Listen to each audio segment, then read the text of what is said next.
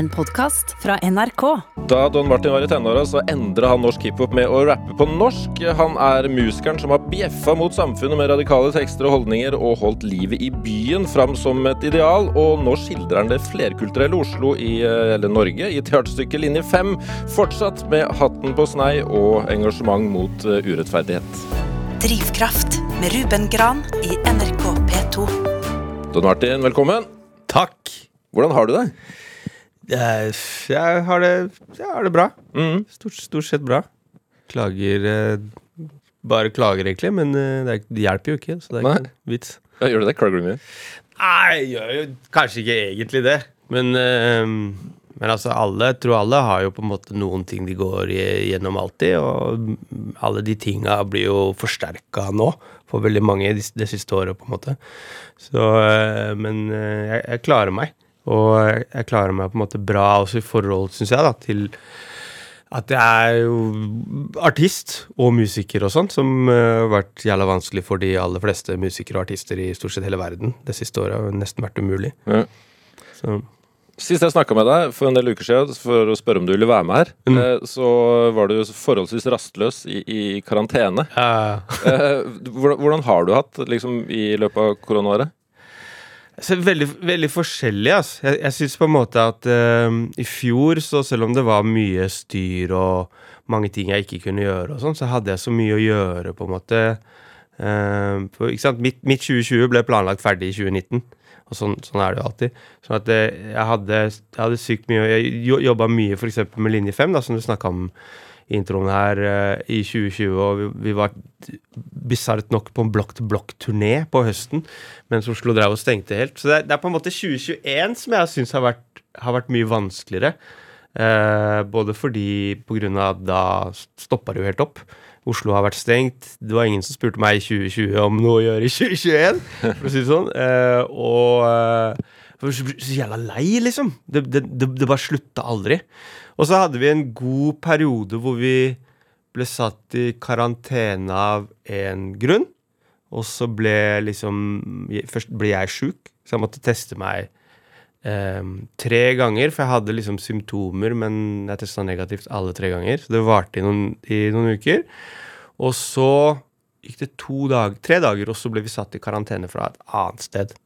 Eh, og da skjedde det samme med noen andre i familien min. Så vi hadde litt over en måned, eh, jeg, dama mi og barna mine, inne i den leiligheten uten at vi basically var ute i det hele tatt. Eh, hvor alltid noen var liksom sjuke, da. Bare vanlig sjuke. Og jeg, jeg vil ikke klage, fordi jeg lever jo, og det går bra. Men etter den måten, da kjente jeg at huet mitt, det var skjørt, ass. Ja, hvordan, hvordan får du det å være inni deg når du har vært innestengt med de andre tre i en måned? Nei, du går jo på veggen, liksom. Du gjør jo det. Jeg hadde faktisk et punkt en dag hvor jeg tok meg sjøl at jeg hadde satt meg ned på senga, og så satt jeg så inn i veggen, og så tenkte jeg etter noen minutter tenkte jeg, Sitter jeg faktisk nå og ser i veggen? Liksom. Jeg satt og så i veggen! Liksom fordi du bare Barn står opp tidlig om morgenen, og dagen er lang, liksom. Sånn at du, du må jo gjøre noe hele tida. Men nå er, jeg, nå er jeg ute av det igjen, da. Så nå føler jeg at alt er fint, på en måte. Fordi jeg er ikke, hodet er ikke fullt av vatt, og det lyser ute, og jeg håper at en eller annen gang Kanskje det her stopper. Ja. Men jeg har gitt opp håp, da. Det, det er det jeg må Har du det? Ja, for lengst. Det er det jeg har liksom tenkt. Det er, det ikke noe vits i å tenke at om to uker eller om en måned eller tre måneder. Fordi hver gang jeg har tenkt det, i fjor først og fremst, men også liksom i, i januar og februar og sånn Vi hadde jo Vi hadde jo, ikke sant, vi hadde eh, premiere på Linje 5 egentlig i september. Og de folka som kjøpte billettene til premieren, de kjøpte billettene i juni i fjor. Og så i september så ble vi satt eh, ti dager eller noe sånt i karantene pga. noen i crewet. Um, så det, de som hadde kjøpt premierebillettene, de fikk sine billetter flytta til november eller desember. Og så kom jeg hjem skulle vi spille i desember og endelig få gjøre Linje 5. Vi hadde bare gjort noen få forestillinger. Så ble Oslo stengt. Så ble alle de flytta til februar. Ja, ok, men greit. Vi gjør det i februar. Og så kom jo februar, og her er vi jo Jeg har aldri vært med på å avlyse så mye. Så nå bare, bare vente til det går over, ass. Det er ikke noe vits i. Men linje fem Det her hørtes ikke så veldig drivkraftig ut. Nei, men det kommer vi til, Martin. Uh, linje 5, driver dere og har prøver og er litt optimistiske igjen om dagen? Nei, jeg som sagt slutta å være Jeg bare, bare Jeg gidder ikke å liksom, Hvis noen ringer meg og sier 'nå skal vi spille om en halvtime', så kommer jeg. Uh, men bortsett fra det, så Nei, men uh, Så det Men, men jo Altså, du, nå åpner det jo litt igjen i Oslo.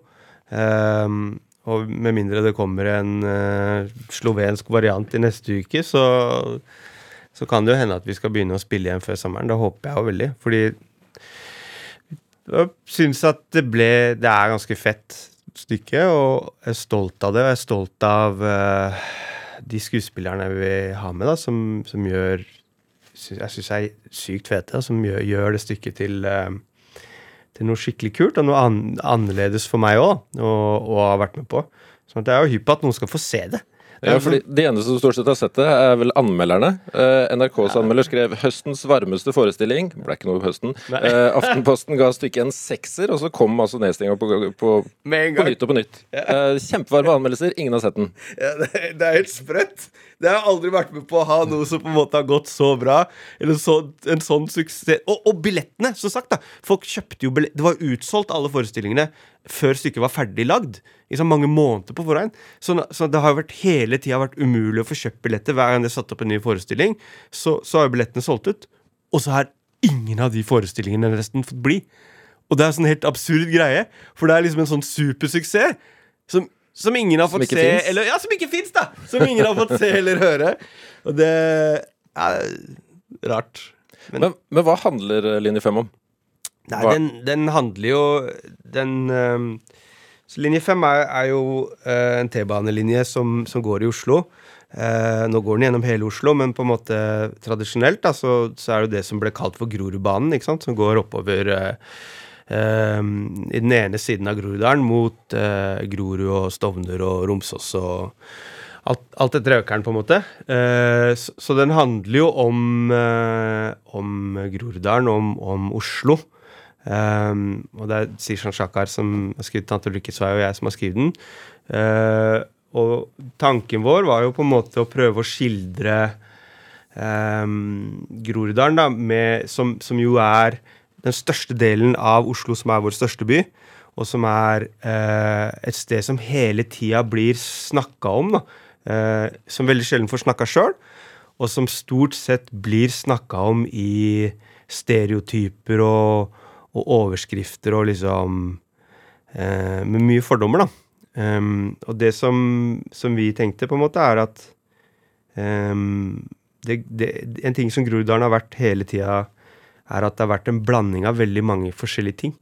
Det har vært et, eh, et innflyttersted siden de begynte å bygge blokker um, lenge før noen av oss ble født. Uh, så kom folk fra Nittedal og fra Gjøvik og fra eh, Bodø og, og sånn, og flytta til Oslo var på en måte innvandrerne da. Og Sverige og Finland. Um, og det har vært en blanding av forskjellige folk da, med forskjellig bakgrunn og, og, synspunkter og kulturer og ideer og sånne ting. Sånn at den historien om at Groruddalen er én ting, det er kanskje den absolutt minst riktige måten å, å forstå Groruddalen på. Groruddalen er en blanding av tusenvis av forskjellige virkeligheter og bakgrunner. Og der du kan si at det er én ting, er jo der de møtes. ikke sant? Og det du, må, det du, lærer deg når du vokser opp, da, med å forholde deg til at folk er forskjellige og har forskjellige måter å se ting på og kommer med forskjellig bagasje og forskjellig utgangspunkt, er jo liksom føler jeg, en styrke med å vokse opp der. Og der alle de virkelighetene møtes, kanskje mer enn noe annet sted, er jo på T-banen. Som alle må ta, enten de vil eller ikke, til og fra byen, til og fra jobb, til og fra hva de enn måtte gjøre i sine daglige liv. Ja, Er Sena en T-banevogn? Har ikke du sett? Nei. Nei okay. den, har ikke, den har blitt utsatt hele tida. Ja. Sorry. Det er det. Det ja det foregår, det foregår på en, en, en, en, en mesteparten i en T-banevogn, eh, og er en reise da, med forskjellige eh, personer og virkeligheter og karakterer som, som, møtes, på en måte. Eh, eller ikke på en måte, de møtes. I, um, bruddstykker da, av, av mange forskjelliges liv som eh, treffer hverandre eller krasjer. Som du sa, du har skrevet den sammen med Seshan Shakar, altså Tante Ulrikkes vei og Gul bok, forfatteren. Ja, ja. Hvordan, hvordan fant dere hverandre? Eh, nei, altså Helt i starten så fant vi hverandre fordi jeg ble spurt av eh, Litteraturhuset om jeg kunne ha en sånn samtale med han når, når Tante Ulrikkes vei hadde kommet ut. Og alle, alle unntatt meg hadde lest Tante Ulrikkes vei, så jeg måtte skynde meg å begynne å lese den før den dagen. For å se ut som om jeg visste hva jeg snakka om når jeg intervjua han. Men eh, så kan jeg si at eh, det er jo sånn egentlig rart at ikke vi kjente hverandre fra før, da. Som Sishan pleier å si, vi har jo mange hundre eh, felles venner og bekjente, inkludert både dama mi og søstera til dama mi, som har jobba sammen med Sishan og broren hans på, på Burger King på eh, i, i flere år. Sånn at liksom vi, vi fant vel ganske fort ut i løpet av de Det var flere dager med de samtalene, av de samtalene at vi hadde liksom mange Veldig mange felles måter å, å se ting på, da, og erfaringer og eh, eh, og synspunkter, eh, liksom. Sånn at eh, da ble vi venner, og så har vi jo liksom diskutert mye forskjellige ting og gjort mye forskjellige ting etter sammen. Men eh, når, når Norske Teatret kom og spurte om vi var hypp på å gjøre det her, så var det, det var liksom litt no-brainer på en måte å gjøre sammen. Så, eh, så sånn.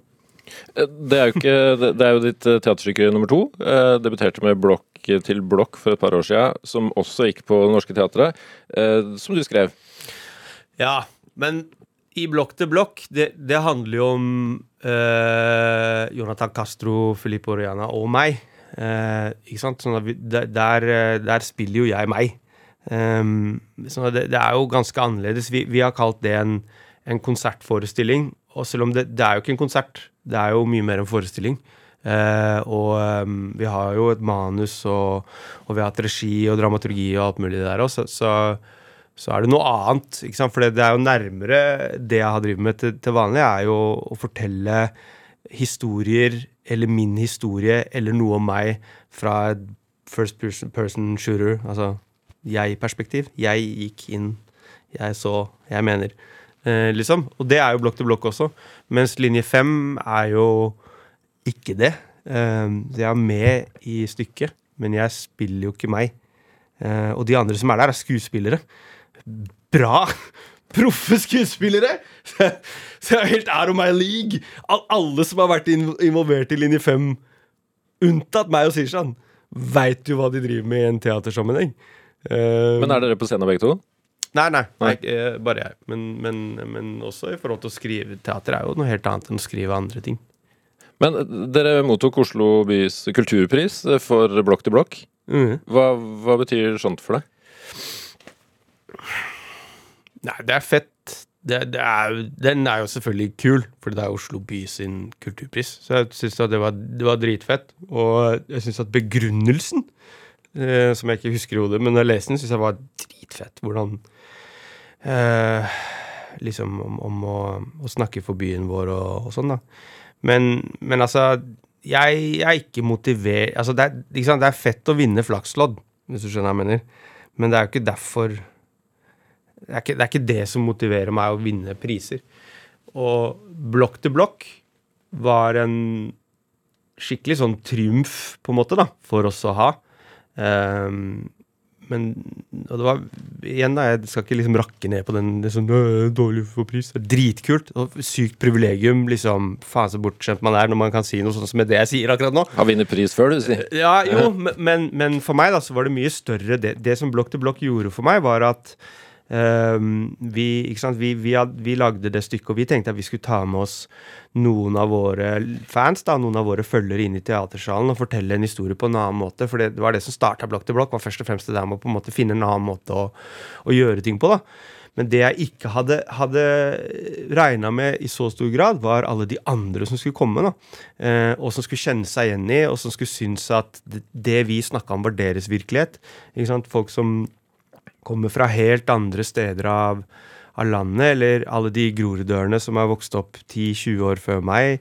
Liksom, eh, vi hadde en 96, 98 år gammel dame på første rad eh, under en av de første forestillingene, liksom. Og halve forestillinga så tenkte jeg liksom Shit, det er terrorist! Jeg, ikke, jeg må rappe lavere, liksom.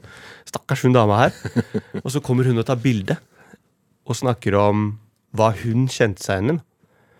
Og det, de øyeblikkene der, det var det som Det, det gjorde mye for meg med Blokk til blokk, da. Eh, å se det um, resonnere hos helt andre typer folk enn enn jeg på en måte tenker på da når jeg skriver mine låter eller mine ting. Så det blir større enn, du, enn intensjonen, til og med? Ja, ja større og bredere, liksom. Og eh, liksom jeg, For meg så Jeg, jeg syns at det, det derre eh, med å på en måte touche noen og se noen kjenne seg igjen i noe du har skrevet, da, og noe du har tenkt, um, det, det, er en jævlig spesiell følelse. Um, og det å på en måte få gi en bit av deg til noen andre, og så noen ganger så gir de en bit tilbake, og forteller en liksom historie om, om, om sin oppvekst, eller hvordan de har hatt det, liksom. Det er til og med en bitte liten del i linje fem som er fra noe noen sa til meg etter en, en blokk-til-blokk-forestilling. Uh, og som handla om det der med å føle at ingen har på en måte snakka for, for deg, da. At din, din, måte å se det på leve på ikke får komme til orde. Um, det kan si, det var en av de tinga som Sishan og jeg liksom klikka jævlig tidlig på, er at både han og jeg er opphengt i det derre Hvem er det som får fortelle sin egen historie på egne premisser? Som på en måte ble min sånn derre jeg hadde for 10-11-12 år siden. Så bare en dag så var det spørsmålet i huet mitt. Og ble et sånn derre hovedspørsmål. Og som på en måte har drivd meg i, i alle de tinga som jeg har gjort etter da, eh, og spesielt solokarrieren min, har handla om, om, det å på en måte få skrive eh, min, e, mitt eget narrativ u, liksom, filtrert, eller upåvirka, av hvordan andre vil fortelle historien om eh, meg og der jeg er fra, og de jeg er glad i, og de jeg har vokst opp med. Jeg ikke hva jeg begynte med å svare på engang. Jeg bare Husker ikke sjøl, det. Vi skal la folk bli enda litt eh, bedre kjent med deg. Eh, I, høre deg. Vi skal høre deg i velkjent stil, og samtidig få et lite innblikk i Line 5-stykket, tror jeg. Mm. Vi skal høre Line 5-remix. Hva, hva, hva, hva er det vi skal få her nå? Nei, du kan si det her er jo det, det, Dette er jo utgangspunktet for, for den forestillinga her. Er en, en, låt som jeg hadde skrevet fra før. Eh, og som Sissi og Hedda, som var Som er mine regissører både på når vi lagde Blokk til blokk, og når vi lagde Linje 5, som eh, hadde den teksten, og så pitcha de egentlig den tekst, en, et, fire linjer fra den teksten til Det Norske Teatret og sa vi, vi vil lage det her. Og så sa Norske Teatret ok, nå gjør vi det. Eh, så det, den er jo utgangspunktet, da.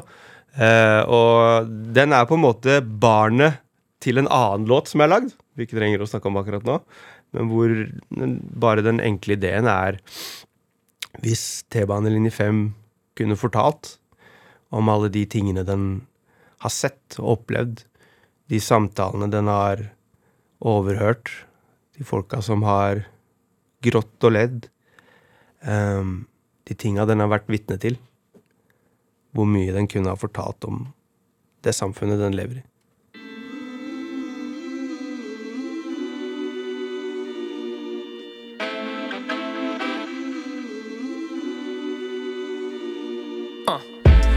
Hvis linje 5 kunne snakke, ville den fortalt om alle de som en gang tatt den.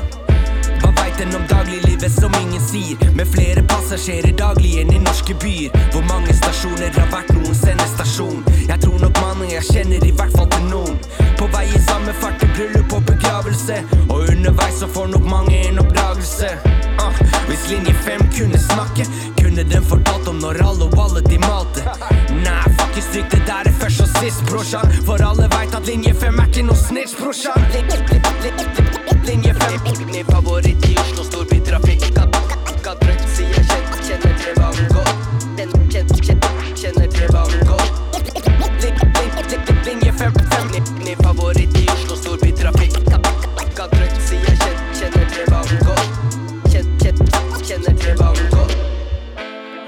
Linje 5 kunne snakke, kunne den fortalt om da de hadde delt opp kartet. Da øst og vest snudde i midten hvor det stoppa helt. Nå har de åpna mer nær Oslo, egentlig mindre delt. I sentrum når banene ruller inn en etter en. Ser du på ansiktene, hvem av dem er linje 5? Er det en egen kultur? Er det en sinnsstemning? En hood-mentalitet? Her er min mening. Om Nas har norsk, ville han ha vært faderland. Med rockin på hook i linje 5. Hver gang noen spør yo, kan du og jeg ta bilde? Tar jeg fram det vi her bare kaller linje 5-smilet. Hvis linje 5 kunne snakke. Hvis linje 5 kunne snakke. Hvis linje 5 kunne snakke. Uh, ville det rappa Don Martin.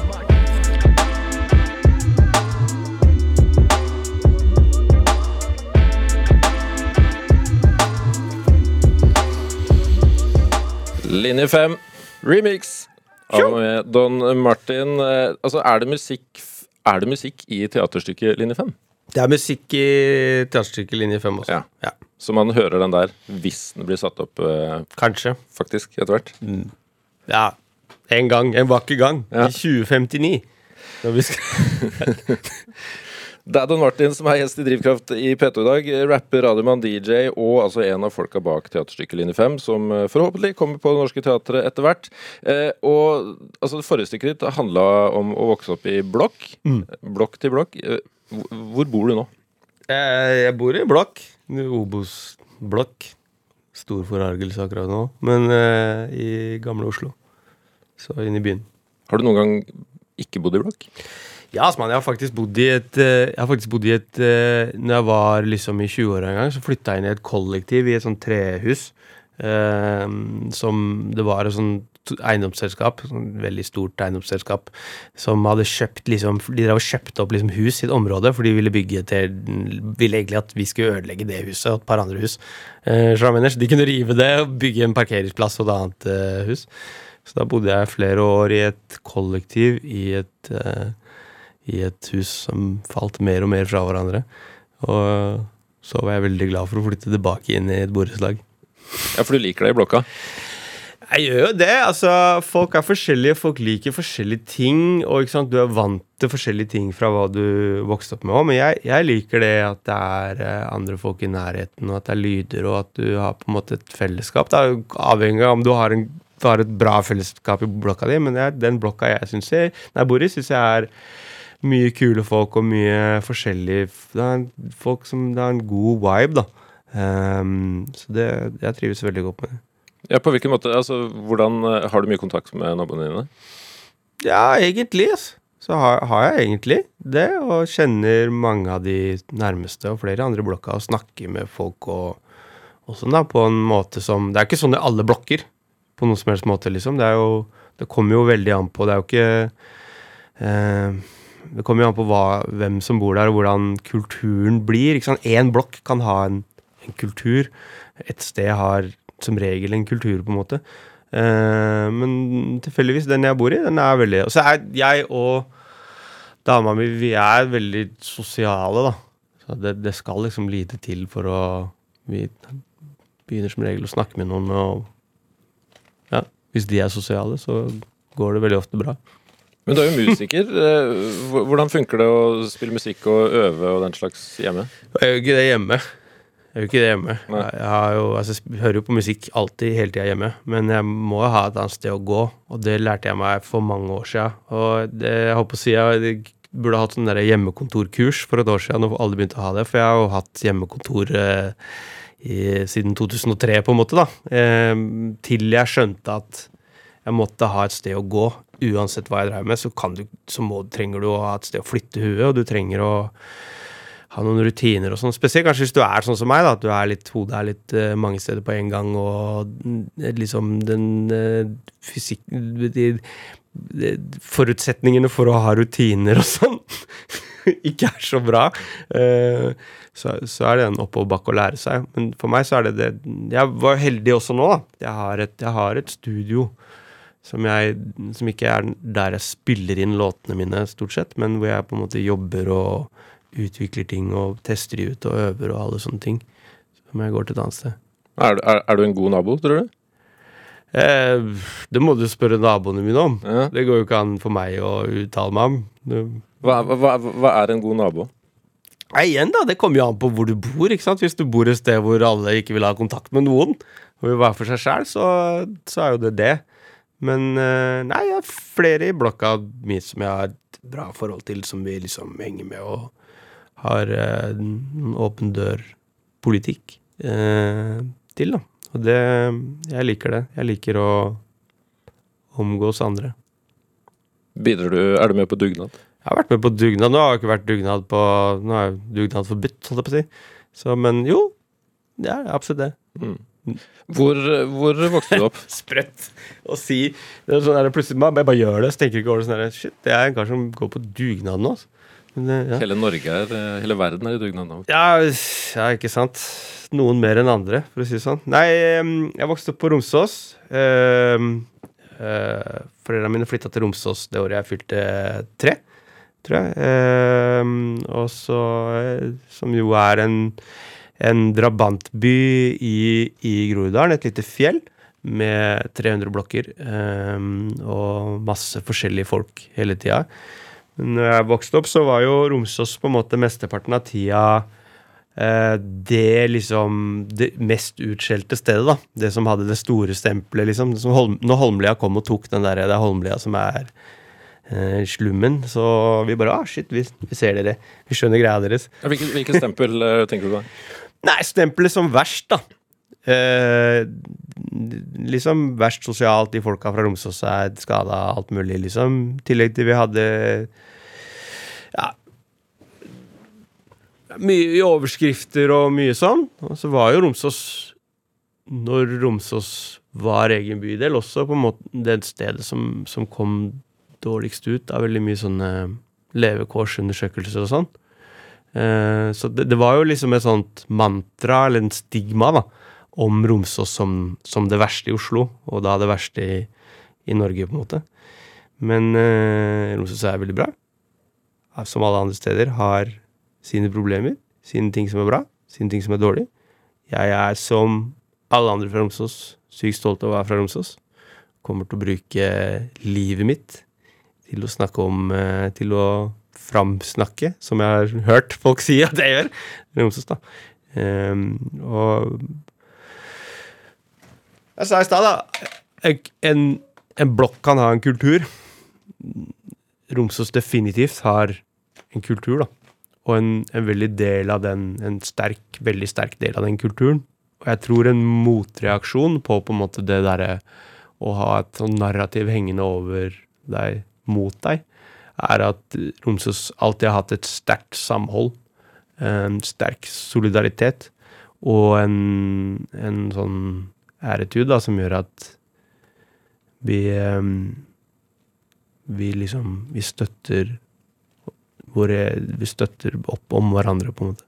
Ja, for jeg ser jo for meg at det stigmaet, som du sier, gjør noe med identiteten til La oss si når du var tenåring, da. Mm. Hvordan påvirka det deg? Hva hva har det ført til hos deg? Blokk til blokk og linje fem og ti album. Nei, det, det gjør jo absolutt det. Det, ikke sant? det gjør jo selvfølgelig noe med hvem som helst å bli fortalt. Hvis du forteller til et lite barn at det er dårlig, så tror du at det er dårlig, og så begynner du å gjøre dårlig. Um, det veit hvem som helst som har hatt med barn å gjøre. Du kan, det er ikke sånn du oppdrar en kid. Sånn at um, Det har selvfølgelig liksom påvirka oss veldig, da. Men, men jeg tror også at det har gjort eh, Som sagt, da, at, at um, for veldig mange så har det også betydd at sant, du har vi har hatt et samhold eh, og en liksom følelse som er bygd kanskje liksom i, i samhold i opposisjon, eh, på en måte, som er veldig sterk. Eh, den har gjort at jeg er liksom Når jeg ser eh, Det var en dame som En av de gangene hvor det var sånn veldig mye hets mot Groruddalen, så var det en dame som skrev en kronikk, som var som en dame som er ti år eldre enn meg, eller noe sånt, da, som skrev en kronikk om, om Stovner, og hun var fra Stovner. Hun vokste opp når noe som het Stofner-rapporten kom ut, som var om at Stov, Stovner var bare dritt. Um, og hun, hun skrev en kronikk som gjorde jævlig inntrykk på meg på det tidspunktet, og en av de tingene jeg husker hun skrev, var at den på en måte måten hun vokste opp med at det stedet hun vokste opp på, og hun ble snakka om, gjorde at ryggmargsrefleksen hennes kicka inn hver gang hun hørte noen snakke dritt om en annen gruppe. Om en spesielt en marginalisert gruppe. da. Og sånn, sånn er jeg også, på en måte. At jeg kjøper ikke jeg kjøper ikke liksom narrativet automatisk. Og når på en måte noen begynner liksom å peke ut noen som syndebukken «Øh, Det er de som er de Alle som heter Ruben i samfunnet, ødelegger. Så, men så blir jeg automatisk skeptisk, da. Eh, og er hypp på å finne ut hva som foregår, på en måte. Og det er jo en bra ting, tror jeg. Det er jo ikke bra når noe er dårlig. Men, men noen ganger så gjør det jo også med deg at du at du må tenke over ting, da. Eh, og at du eh, At du prøver å forstå andres situasjon, som er annerledes enn din egen, men som har likheter. Ja, Det høres ut som du kanskje er var på potensiell urettferdighet. At jeg, at jeg, at jeg, at jeg er var. Mm. Jo, altså Ja. Jeg har alltid vært opptatt av urettferdighet. Uh, kanskje på grunn av det, kanskje på grunn av andre ting. Kanskje på grunn av oppvekst, kanskje på grunn av hvordan huet er skrudd sammen. Hva jeg har med meg hjemmefra. Eh, men absolutt. Det er jo liksom den store Jeg syns at det er vanskelig å akseptere. Du sier hjemmefra. Du vokste opp eh, på Romsås med, med mor. Mm. Mm. Hvordan, hvordan var eh, hjemmet til unge Martin Raknerud? Det spørs jo veldig når, da. Fordi når du er tre og når du er fem, så er jo livet helt annerledes. Hva sier si tenåra. da. Nei, altså jeg, Faren min bodde jo også på Romsås lenge. og flytta ut uh, når, jeg var, når jeg var tre, til, na, til et annet sted på Romsås. Og så seinere til nedover i byen. Men uh, Nei, altså, jeg øh, Tenåra, altså, mann. eh, jeg tror at jeg hadde, jeg hadde på en måte en, en jeg hadde en liksom Min største krasj i livet var å begynne på skolen. Eh, og mora mi er lærer. Sånn at det er jo veldig Skole er dritviktig. Og jeg er veldig opptatt av å lære og forstå og sånn. Men jeg hadde det dritt eh, på barneskolen. Og hadde Var i konflikt med liksom den måten skolen syntes at jeg skulle oppføre meg på, og ikke minst liksom en en gammeldags og ganske aut aut autoritær lærer. Sånn at eh, min på en måte store krasj liksom begynte jo der, da. Og så var jeg i Hadde for mye lopper i blodet til å liksom Til det mange ting hvor, som ble konflikt for meg, da. Sånn at innen jeg var tenåring, så var jeg i opposisjon til mye. Og særlig til voksne, egentlig. Som ehm, alle mulige typer slag. Men så har jeg jo heldigvis, liksom for meg, da, så fant jeg ganske tidlig fant jeg rap og graffiti. Som jeg på en måte var min skole, begge deler. Så jeg veksla kanskje mellom å drive med, med rap og drive med graph mm, i tenåra mine. Eh, ikke til stor begeistring fra mora mi, for å si det sånn. Men eh, ja, jeg sitter her ennå. Hva var det med graffiti og, og rap som tiltalte deg? Det er lett å på en måte analysere det nå, og så kan jeg finne ting som er smart å si om det nå. Eh, jeg tror nok liksom For Graph sin del så tror jeg at det viktigste var at det var det som skjedde i Groruddalen eh, på begynnelsen av 90-tallet. Da var det, det, det var liksom Hvis du ikke hadde tag, så hvem, hvem var du? Liksom. Og så etter hvert så passa det for meg, da. Um, for liksom jeg var en del av et miljø som drev med Som hadde drevet med liksom å lage kaos uansett. Og så kom vi inn i et, eh, et miljø med mye sånne folk da, som ikke passa til å spille på fotballaget eller eh, drive med sunne, sunne aktiviteter for sunn norsk ungdom, på en måte. Men hvor vi hadde regler og ting vi kunne liksom bli bedre på, forbilder og, og mål og måter å utvikle oss på, alt mulig sånn. Altså, mye min på en måte skole der andre har mm, vært et eller annet sted, var jo derfra. Og som jeg er sykt glad for. Og jeg lurer på hva de kidsa, som var sånn som meg, eller de andre som drev med graph, hva de skal gjøre nå, for å si sånn. For det, det var jo veldig mange av oss var jo akkurat det. ikke sant? Det var de som ikke fikk være andre steder fordi vi passa ikke inn og vi lagde kaos, og voksne syntes at uh, vi var duste. Um, sånn at, Nå husker jeg ikke hva du spurte om, Asman. Ja, hva, hva, hva, som tiltalte deg? La, la, oss si rap, da. Men rap, hva fant du der? Altså, På den ene sida kan jeg si at jeg, det, det hørtes kult ut. Men så tror jeg at seinere så har jeg jo på en måte skjønt at altså rap den, Hvordan rap var på det tidspunktet, så tror jeg at det liksom Selv om vi hørte på engelsk og amerikansk rap, og de lever i, i andre forhold, sant, andre samfunn med større problemer enn vi har, så var det noe med det perspektivet da, som rap hadde, det sinnet som rap hadde, de tinga som rap adresserte, Um, Rasisme, urettferdighet, sosial og økonomisk ulikhet. Det var ting som vi kjente oss igjen i. Og jeg tror ikke at jeg, jeg skjønte jo ikke det da, hvor mye det på en måte stemte overens da, med hvordan jeg og mange av de rundt meg så verden. Men det, det, gjorde jo at det dro oss til rap som et, en måte å forstå verden på. Um, og noen som på en måte snakka Var stemmen til, til, mange ting som vi følte og tenkte, og ting som vi kjente oss igjen i. Det er også en, en, en periode sant, hvor Oslo var jævla prega av mye av um, av, ras, av liksom rasisme og ting som skjedde. ikke sant? Arne Myrdal på slutten av 80-tallet som hadde sprengt asylmottak, og andre av våre prøvde å lage kaos inn i Oslo, og liksom Bootboys og nazistene. Og, og, det var mye liksom antirasistiske demonstrasjoner og ting som skjedde, da. Og jeg, det, jeg ble jo på en måte tidlig politisert av det. Av de tinga som, som, som skjedde, da, og som angikk oss. Det var vår, vår verden de ville til livs, og vil enda. Um, sånn at det også tror jeg Altså, jeg begynte ikke å høre på rap fordi Public Enemy. Det tok meg noen år å komme, til, komme dit. da. Jeg hørte på, på en måte mer på liksom den street gangster-siden av rap. Egentlig, da. Men den også var jo da også på en måte sosial. Den tok jo opp de samme type spørsmål, egentlig, bare med et annet språk. Så du var engasjert, eh, engasjert eh, mot rasisme og også sånn Ditt politiske og aktivistiske sinn var allerede godt i gang før rappen traff deg?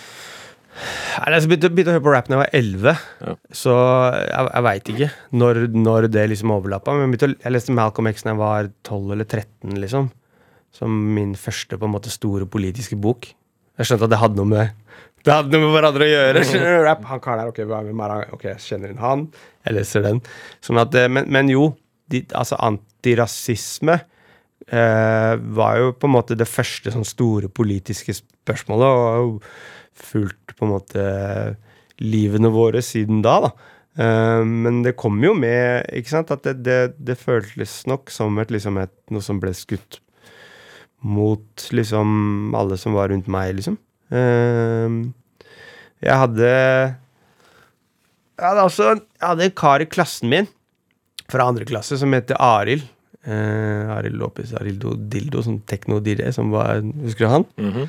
Han Arild Jævla fet kar, altså. Arild, han hadde Jeg kom på for i, i, i fjor en gang Arild han ringte meg en dag og bare 'Hei, du må komme inn til meg'. Jeg bare, Hva skjer? Han bare 'Du må, må kjappe deg, du må kjappe deg, det er kommet en journalist'. Jeg bare 'Hva er det du snakker om, en journalist?' Og så løp jeg hjem til Arild, for han bare la på. Og når jeg kom fram til Arild, så skjønte jeg at Arild hadde påstått til lokalavisa at vi hadde starta en organisasjon som het Romsås mot rasisme. Eh, og vi drev og gjorde ting og sånn. Og han bare hadde begynt å gi intervju. Så jeg måtte bare møte opp og se ut som om jeg var med i, i organisasjonen hans. og, og, ikke motsi det han sa, så vi ble avslørt at uh, det var bare noe han hadde funnet på den dagen. Og det tror jeg var eh, Det tipper jeg var i sjette klasse. Så, det var i sjette? Jeg tror det. Men fordi det engasjementet ditt, da, det kunne jo brått tatt en eh, Eller kunne det tatt en politisk eller mer sånn organisasjonsorientert retning? Ja, Eller hvorfor gjorde de ikke det? Nei, så Jeg har også vært i noen politiske organisasjoner, men jeg passer ikke så bra til det. Liksom, jeg er ikke Det, det funker ikke så bra på meg, tror jeg. Eh, og, men eh, hvordan jeg er, og hvordan hjernen min ikke klarer å sitte stille, og jeg er flinkere til andre ting. Da. Sånn at eh, min viktigste politiske organisasjon var jo Gatas Parlament. Um, det er jo praktisk talt et politisk parti, så jeg følger det telles. Ja. Rappgruppa Gatas Parlament. Kanskje vi kommer tilbake til det etterpå. Eh, fordi, er det riktig at faren din var omgangsvenn med, med, med Inger Hagerup? Nei, eh, farmora mi var best, bestevenninne med Inger Hagerup.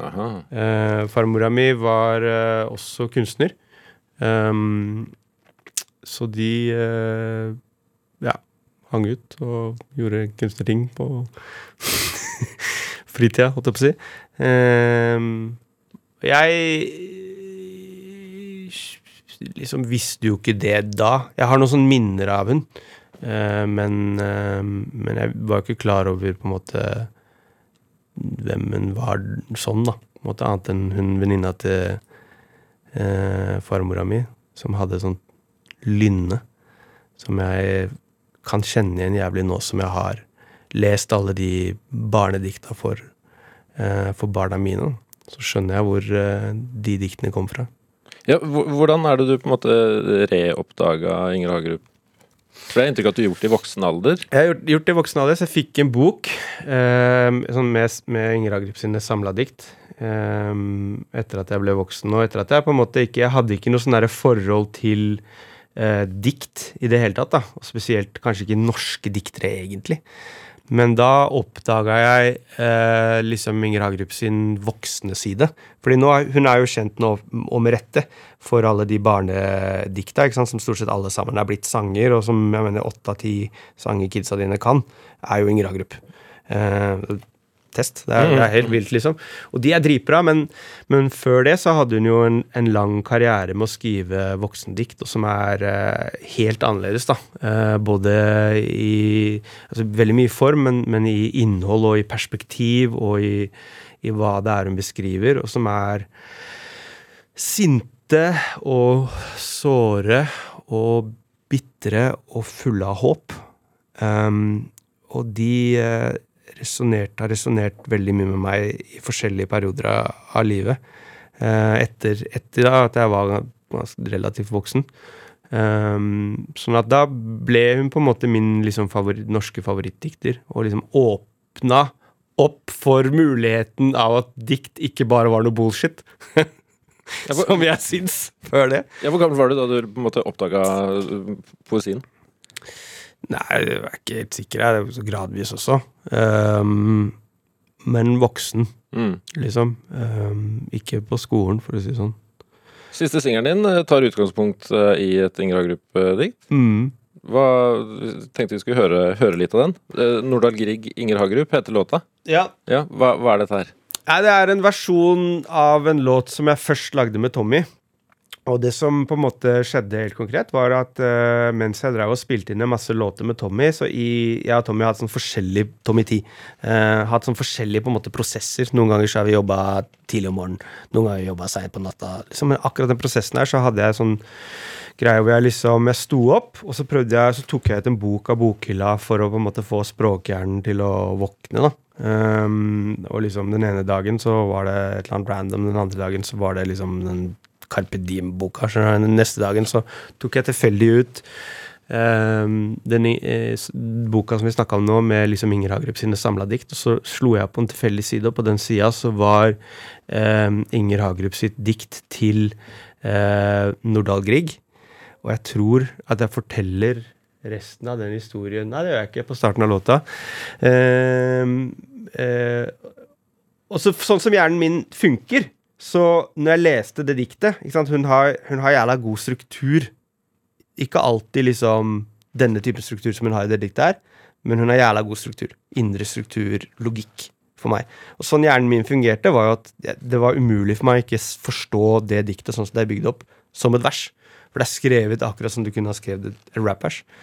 Så da gikk jeg til Tommy og sa jeg, jeg har en litt rar idé. ass, mann. Jeg lurer på om vi bare skal prøve å spille inn eh, det diktet her.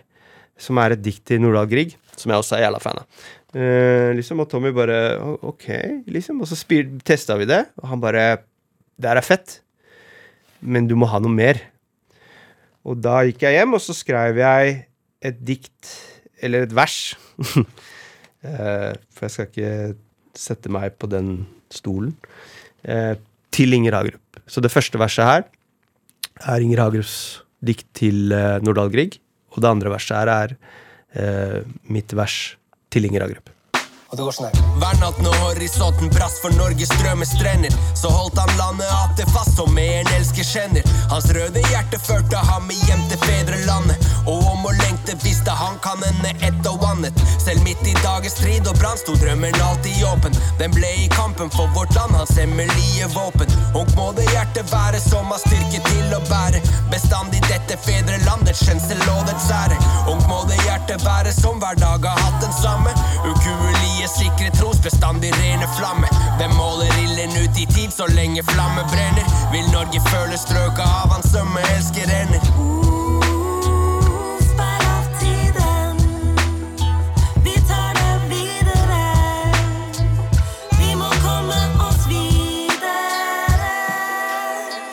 natt når horisonten brast for håp og kjærlighet, beskrev en verdenskamp for livet opp med ærlighet. Hennes ord var mer enn strofer i vinden, en nitidsstemme for kvinner og refleksjoner av minner. For mange var hun lille persille, min onkel triller piller mot basiller, og alle de der er brillefine. Min favoritt er det om tallene og bokstavene, de synger de sangene i hver bidige barnehagemenn. Hennes penn var Roger Nils-ideen. Hennes tanke hvisker skillelinjene mot sverdet. Rive gjennom marken, stikker rett i hjertet hvis det sitter der på riktig side. Gjennom flere tiår gikk hun inn i og grep fatt i tiden. 40-tallet, svik og krig og fattigdom og kvinnesak. Mange av de kunne like gjerne vært skrevet i dag. Jeg gikk meg vill i hennes skoger, slik der fant jeg så Kurdistan og tidens tann og villskap. Ennå gryr det mot dag, er utålmodig menneske. Langsomt blir allting til, men kjapt kan allting revne. Så når de spør er det noe slektskap mellom rap og dikt, det første verset var Ingers, andre verset var mitt.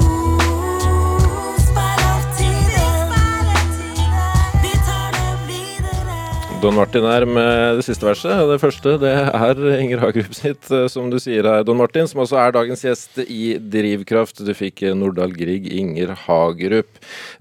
Hva kan, hva kan rap lære av eh, de gamle dikterne?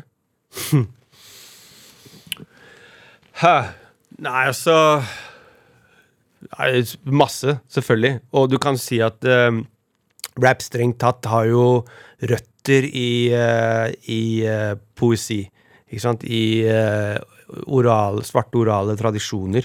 Um, som sant, stammer tilbake til Last Poet og Jill Scott Heron og han derre The Judge og alt mulig, men også liksom går jo langt, langt tilbakeover til liksom um, slavepoesi, da, fortellerteknikk, ikke sant, som, som bare kunne være oral, fordi uh, du, de var, fikk ikke lov å skrive, ikke ble ikke samla alt mulig sånn, og kanskje enda lenger tilbake enn det også, sånn at rap har jo hele tida lært av det, da, og det å på en måte um, ja, finne måter å At det går sport i å finne måter å si ting på.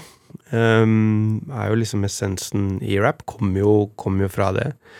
Så kan du si at nå er jo øh, Nå har jo på en måte en Blant liksom den, den yngre generasjonen nå som også hører på rap og tilhørende musikk, så har jo liksom poesi blomstra opp noe jævlig eh, i løpet av de siste åra. Og det å på en måte dele dikt og ting som er varianter av poesi, da, på eh, både i tekst og i, i, eh, i lyd på Instagram og liksom andre sosiale medier, har blitt dritstort.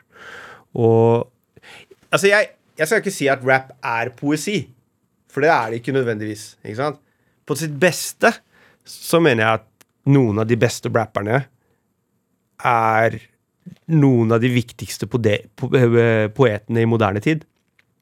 Men noen av de viktigste rapperne sier også bare sludder og dumme ting. Um, og når du hører på rap sånn som jeg gjør, så kan ikke jeg si at det ene er viktigere enn det andre. For det er jo begge deler, ikke sant? Um, det er helt riktig når Kendrick Lamar vant den der, var han vant for den der prisen som ingen andre musikere enn Bob Dylan hadde vunnet, eller hva det var for noe? Pul Pulitzer? Pulitzer, ja. Fordi han, han er en sånn type rapper. Men en masse andre rappere som er like viktige, vil, liksom, vil jo aldri liksom Du vil jo aldri kunne lese tekstene deres. Men det er fortsatt dritfett. Sånn at um, på, på det beste så vil jeg si at rap er jo en form for poesi, men det er jo ikke det. Fordi det er masse annet også. Masse som bare er street shit og sludder og gutturale lyder og visvas. Det er ikke så mye gutturale lyder og visvas i, låtene dine. Hvorfor, hvor, hvorfor, eh, hvorfor har du gått for det tekstuniverset som du har? Nei, så jeg, jeg er på en måte Siden det programmet her heter Drivkraft Jeg er motivert av å gjøre. Det, det er det som Som på en måte jeg tror er det, det som sitter lengst inni, inni meg, da, er å fylle den tiden jeg har selv, eh, og få til. Sånn at eh, jeg har på en måte beveget meg i retninger hele tida hvor jeg har tenkt liksom, jeg er hypp på å få til det her. Og så ofte, hvis jeg har fått det til, så har jeg bare gått videre og gjort noe helt annet. Bare be- begynne på nytt med noe jeg ikke kan i det hele tatt. Fordi når jeg har fått det til, så er det ikke like motiverende på en måte da, å, drive med det. Sånn at eh, noe av det har jo vært liksom, jeg har sett en ting, og så har jeg tenkt liksom, faen det har vært fett å få til det der, ikke sant? Sånn, sånn som denne den låta her. Det liksom, shit, kunne det her blitt noe? Kunne jeg gjort sånn? Men så må jeg si, jeg har gjort masse, jeg har jo skrevet masse ting også som jeg føler liksom er Eh, og noen av de tinga jeg syns er best, som jeg har skrevet, det er jo ikke Det er jo ikke sånn som det her. Det er jo ikke på en måte like lett forståelig eller um, Det er på en måte mye mer sånn rap etter rap, da. Med stavelser og ting som snur og flipper og, og sånn, da. Som jo er, når du er rapper, er jo det, er det som er gøy å gjøre, er jo å skrive ting som er Som utfordrer deg sjøl, da. Som, som, ehm, som rapper eller tekstforfatter, eller hva du skal kalle det. Så Men så det er jo noen ting som Jeg skjønner jo at liksom resonnerer jo bedre hos andre. det her er lettere å forstå enn eh, jeg pælmer sammen en haug med sammenligninger og lignelser og kulturelle referanser. Men skrev du før du begynte å, å rappe? Ja Ja, det gjorde jeg nok. Um, du kan nok tror jeg mora mi har bedre oversikt over enn meg. Men enda mer, jeg snakka jo. Veldig mye. Du snakka mye Ja. som barn? Ja, og Ja. snakketøyet er jo, ikke sant, det er jo en av de tinga som grekerne og romerne så på som liksom Det er en ting du hadde eller ikke hadde, da.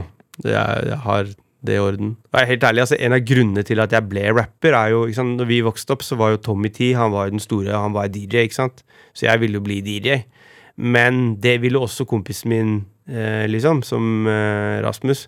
Og dessuten så starta Hvis den første rappgruppa jeg var med i, så var det en eldre kar som het eh, Fred, som var med og senere lagde der kingsize.no og sånn. Skjæra til han. Men eh, han hadde i tillegg platespiller. Sånn at eh, han måtte jo være DJ-en, åpenbart, vi, når vi ikke hadde det engang. Og da mente Rasmus at det var to argumenter for at det var, måtte være jeg som var rapperen. For det første så var jeg best i engelsk, og da rappa alle på engelsk. Og for det andre så var det jeg som prata mest. Og det var hans kronargumenter. Og helt ærlig, det, det er viktig for at jeg ble At jeg liksom Ok, da prøver jeg å være rapperen, liksom. Og så fant jeg den greia der, da. Med å formulere tanker og prøve å liksom sette ord på ting og gjøre greie ting. Og det, det er en egen glede i å gjøre det, egentlig. Og særlig skrive det, få det til å funke, er én ting. Rappe det til noen andre er en helt annen, annen ting. Gi det ut er en tredje ting. Liksom om det har suksess eller ikke. Selvfølgelig det er sinnssykt fett å ha suksess, men det, det er noe annet igjen, hvis du skjønner hva jeg mener. Og de tinga som motiverer meg, det er mest den derre delen med å lage det og, og gjøre det og, og leve i det. Så, du spurte i stad om graph og hiphop og rap. Hvorfor det på en måte tiltrakk meg, da. Og jeg tenker kanskje at like mye som noe annet, så er det også fordi at hiphop på en måte er veldig sånn utøverkultur. Det er, det er mange ting å gjøre. Og det er Du kan holde på mye du vil sjøl. Og det, det er nok egentlig virkeligheten. Det som gjorde at jeg ble dratt inn i rap og, og graph og aldri kom tilbake igjen. Den- Men forklarer det også teater eh, Teater også er jo gjøring. Er teater blitt det femte elementet i hiphop eh, for eh, Don Martin? Øh, nei. Nei, men teater er Det er gjøring, absolutt. Og det er fett. Eh, men nei, det, det begynte jo på en måte veldig mye med først og fremst Jonathan og jeg, da, som, som så etter en annen måte å gjøre ting på. ikke sant? Fordi jeg, For meg, da, jeg, jeg har spilt konserter siden jeg var i begynnelsen av tenåra, veldig mange av de. Eh, vært med på å gi ut veldig mye musikk, veldig mange plater. Sånn at på slutten av en sånn run, så var var vi på en måte ute etter å gjøre noe annerledes. Og flippe det, rett og slett, fordi det, vi, vi, vi gjorde det vi gjorde bra. Vi var jo på å gjøre noe annet. Um, og da kom vi i kontakt, hadde vi kommet i kontakt egentlig da med Sisse Sissy Henriksen og hennes makker Hedda, som driver noe som heter Speakerbox. Som er et slags produksjonsselskap for teater, slags festival. Men som har også røtter i, i hiphop da, og mye av den nær omliggende kulturen. Da. Eh, så det var jo på en måte egentlig det at vi bare kom i kontakt med de, og så dro hun oss inn i det. Hun skjønte nok mer hva hun drev med enn vi, og hvor vi skulle. Men når, når jeg på en måte begynte å forstå eh, potensialet i det, da, så så vil si at det har um, Kombinerer liksom rap med, med teater, så har du mulighet til å fortelle um, noen helt andre historier, og historier med en annen dybde. Og der må jeg avbryte deg. Nå når det endelig begynte å bli bra. Don Ja. Martin, Ja. tusen takk for eh, besøket. Du eh, har hørt Drivkraft. Produsent har vært Julia Martincic. Jeg har fått eh, hjelp av Pål Arvid Jørgensen. Ha det godt. NRK Radio. Det kan ikke være noe annet enn en bombe. Hele historien. Terrordagen 22.07.2011 koster 77 liv og berører en hel verden. ikke til å begripe. Oppdatert. Hva med en podkast som plukker ut de viktigste nyhetene for deg, og som snakker om dem på en sånn måte at du ikke klarer å la være å høre på? Fantastisk. En snarvei til skikkelig peiling. Lørdagsrådet. Hører på Lørdagsrådet hver morgen og ble så glad da jeg hørte Live lese opp problemet mitt. Hør flere podkaster og din NRK-kanal i appen NRK Radio. NRK Radio. Vi hører sammen.